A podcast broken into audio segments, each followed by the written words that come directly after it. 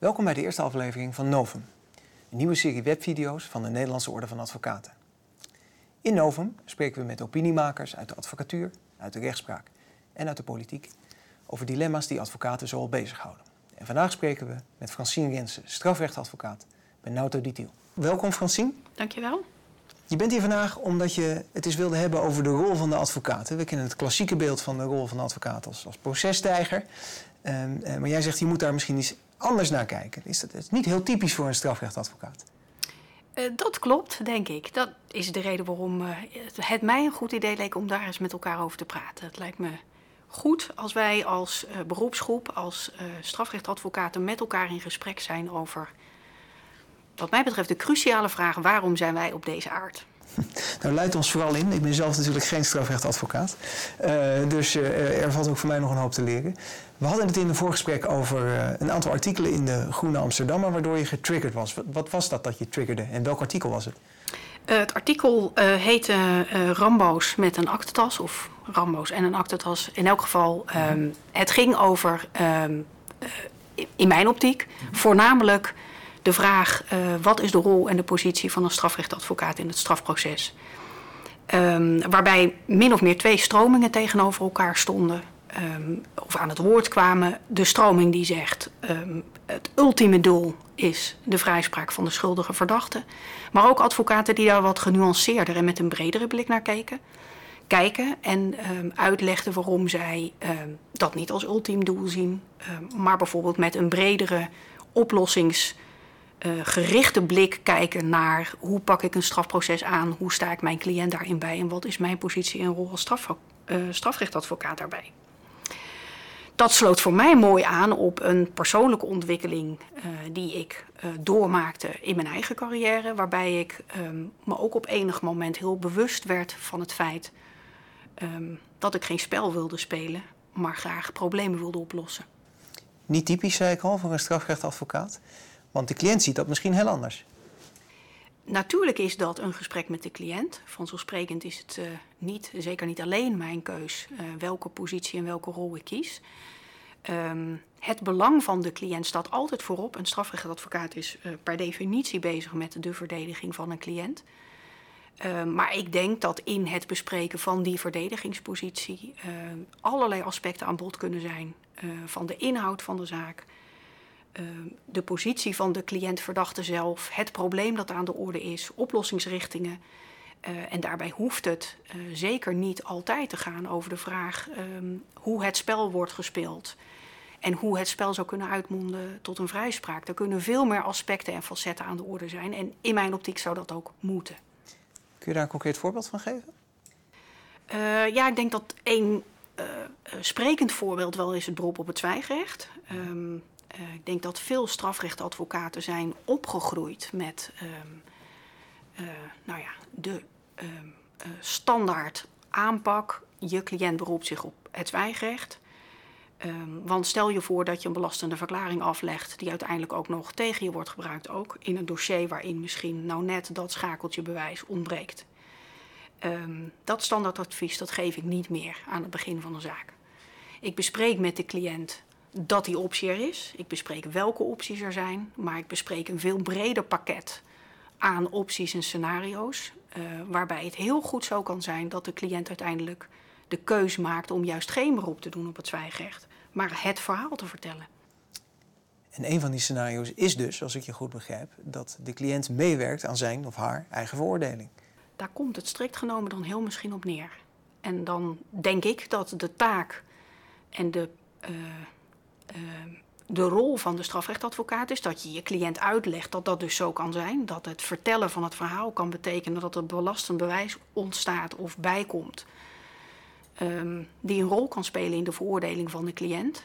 Um, maar het kan heel goed zo zijn dat een cliënt dat onder ogen ziet, accepteert, uh, de consequenties daarvan neemt en uh, bijvoorbeeld zegt, kort samengevat, nou ja, ik neem verantwoordelijkheid en ik zal op de blaren zitten. Zeg je dat niet ook misschien tegen je cliënt omdat een rechter dat misschien uh, positief vindt of, of, of, in positieve zin weegt in bijvoorbeeld de strafmaat? Dat is zeker een, een aspect dat daarin dus een rol speelt. Een, uh, de vraag uh, hoe ik kijk naar het strafproces, hoe de beroepsgroep kijkt naar het strafproces, um, is wat mij betreft ook een vraag hoe de maatschappij en, en de andere procesdeelnemers kijken naar het strafproces en de rol van de strafrechtadvocaat erin. En ik denk dat je een trend ziet waarin um, ook een rechter um, geneigd is om meer te vragen van de verdachte dan alleen maar te verschijnen en uh, te zien wat er gebeurt. Um, dat een rechter geneigd is om ook echt kritische vragen te stellen, antwoorden te verlangen op die kritische vragen. Nou ja, noem het even, vraagt om verantwoording af te leggen over dat wat er is gebeurd. Begrijp me goed, dat kan overigens net zo goed zijn verantwoording afleggen over waarom je vrijspraak verdient. Het hoeft natuurlijk helemaal niet altijd een mea culpa te zijn. Dat hangt helemaal af van de feiten van de cliënt, van de situatie. Uh, maar daarover de discussie voeren, de discussie voeren over de inhoud, de discussie voeren over ik zeg sorry of ik zeg helemaal geen sorry, want ik vind helemaal niet dat ik iets verkeerd heb gedaan. Um, is een discussie die, is, die het waard is om gevoerd te worden, wat mij betreft. En nou ja, ik, ik vind zelf de beschikkingen van het gerechtshof in de uh, ING-transactiezaak, om het maar even zo te noemen, van eind vorig jaar een, een mooi voorbeeld van een rechter die, denk ik, als je kijkt naar de overwegingen van het Hof, um, zegt: Ik vind het belangrijk dat mensen ter zitting verschijnen, vragen beantwoorden, uh, maatschappelijk en publiek verantwoording afleggen. Als je het omdraait, kun je het ook opportunistisch noemen. Je zegt, nou, dat is wat de rechter wil horen, dus dat laat ik mijn cliënt vertellen. Omdat dat een lagere strafmaat oplevert. In zekere zin is het behartigen van het belang van de cliënt, uh, het bouwen van de beste verdedigingspositie altijd tot op zekere hoogte opportunistisch, denk ik. En dat mag, dat is nou net wel de taak en de rol die de advocaat in ieder geval heeft. Dat is behartigen van een partijbelang. De cliënt mag zijn of haar positie kiezen en uh, zelf het oordeel vellen over wat zijn of haar beste positie is. Dat kan in zekere zin een berekenende uh, bekentenis zijn. Um, ik denk alleen dat het uh, goed is om daar in alle openheid en, en rekening houdend met alle facetten met een cliënt over te praten. Zonder je dus blind te staren op. Het gaat alleen maar over een spel, het gaat alleen maar over regels, het gaat om het verkrijgen van een vrijspraak. Het is dus een vraag die je aan je cliënt voorlegt, een gesprek dat je met de cliënt voert. Um, en dat gesprek kan, als ik het goed begrijp, ook eindigen in de conclusie: ja, maar we gaan, we gaan ons wel beroepen op het zwijgrecht of we gaan niet meewerken aan deze procedure. Um, um, er wordt wel gezegd dat is ethisch niet verantwoord als een advocaat daaraan meewerkt. Uh, want die cliënt, ja, die is nou eenmaal schuldig en die moet en zal veroordeeld worden. Uiteindelijk is het, het, strafproces en, en, de regels van het strafproces ook te belangrijk om. Uh, opzij te zetten.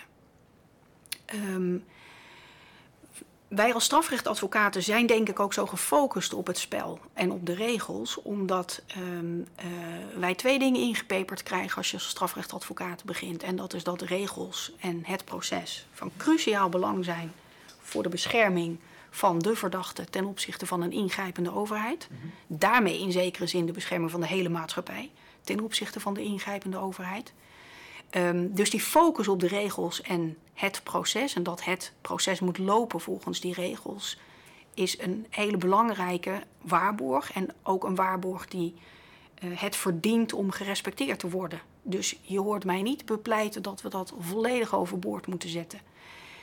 Het zwijgrecht is belangrijk, het, de onschuldspresumptie is belangrijk, um, het verschoningsrecht is belangrijk. Er zijn allerlei waarborgen ingebouwd die het op zichzelf ook waard zijn om met verven verdedigd te worden.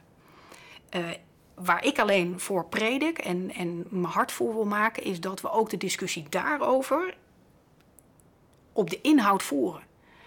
En dus een inhoudelijke discussie hebben over waarom is in dit geval het zwijgrecht zo belangrijk, of waarom is in dit geval de onschuldpresumptie zo belangrijk, of het verschoningsrecht zo belangrijk.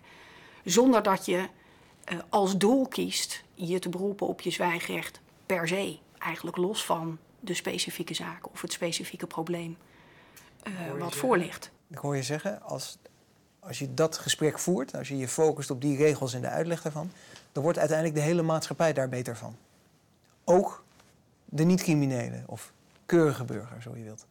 zeker, maar dan dus niet met een hele specifieke focus op de regels en het spel, zoals ik het noem. Want ik denk dat als je je blind staart op de regels en het spel, per definitie een beroep doet op het zwijgrecht. Of per definitie heel veel onderzoekswensen opgeeft, omdat dat lekker lang duurt. En een strafzaak die lekker lang duurt, kan heel misschien wel eens kapot lopen. Ehm, in mijn optiek uiteindelijk geen recht doet aan daar waar het strafproces uh, voor zou moeten staan. Um, ik heb er niet voor doorgeleerd, maar ik vind een mooi beeld dat het strafproces staat voor um, het afleggen van verantwoording. Uh, in een brede zin. Dus niet per se um, uh, de schuldige wijzen op zijn schuld en op zijn straf.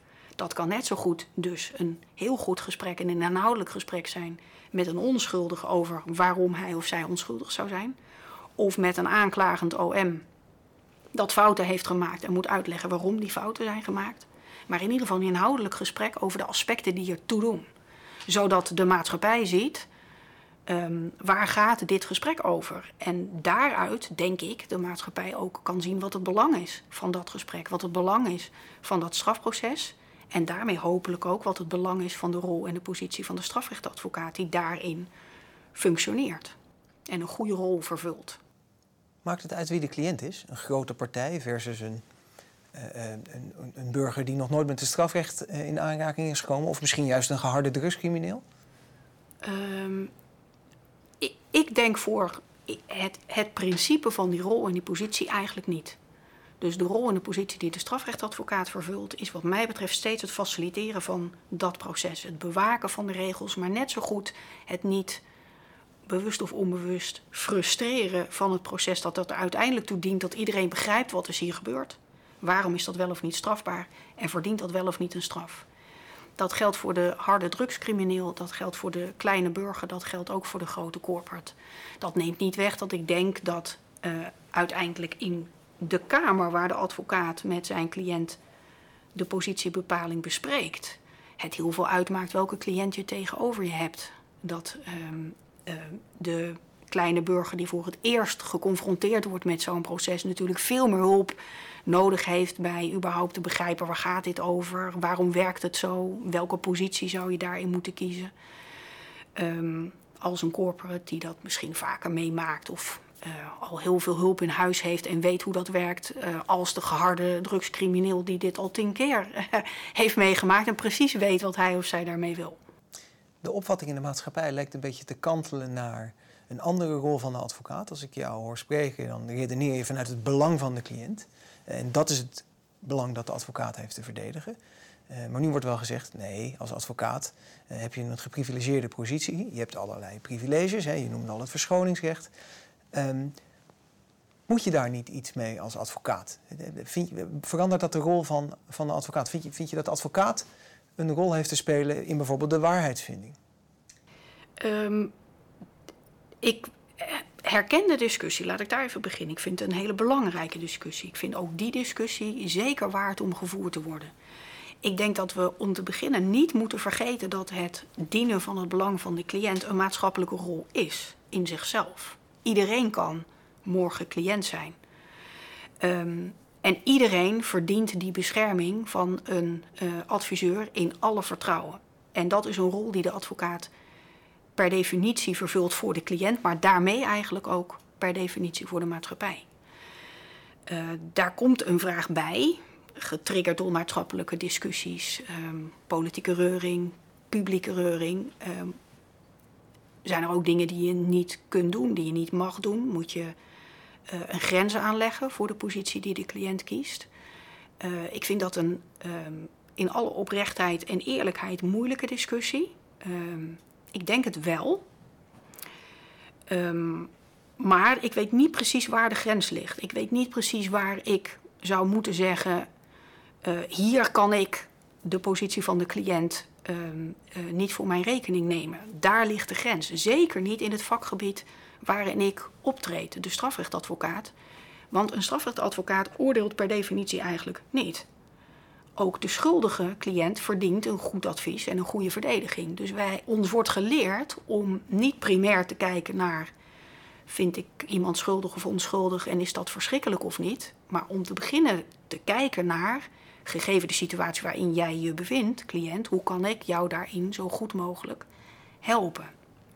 Ik ben zeker gewend om in de praktijk het gesprek over grenzen ehm, wel te voeren. Uh, dat doe ik ook. Maar dat doe ik in de beslotenheid van de Kamer met mijn cliënt. En ik denk in alle eerlijkheid dat het daar moet blijven. Dat hoort ook bij mijn taak en bij mijn functie. Ik kan daar geen publiekelijk uh, debat over voeren waarom mijn cliënt de keuze maakt die mijn cliënt maakt. Maar je kunt natuurlijk wel tegen je collega's zeggen: zo moet jij het ook doen. Is dat wat je zegt? Ja, klopt. Ter afsluiting van dit gesprek, welk advies zou je je collega's willen meegeven? Als ik een advies mag geven aan mijn collega's, dan zou ik zeggen: durf dat gesprek te voeren. Voer dat gesprek. Uh, in elk geval in de beslotenheid uh, van de Kamer uh, of in de Kamer met de cliënt. Durf het gesprek ook over ethische en morele dilemma's te voeren. Kaart het aan en ehm, praat daarover. Dat is een helder advies. Dankjewel. Dankjewel voor dit gesprek. Graag gedaan. Dat was het voor deze keer. Als u wilt reageren op deze aflevering en wat Francine daarin heeft gezegd, dan kan dat via deze hashtag. Dank u wel voor het kijken. Tot de volgende keer.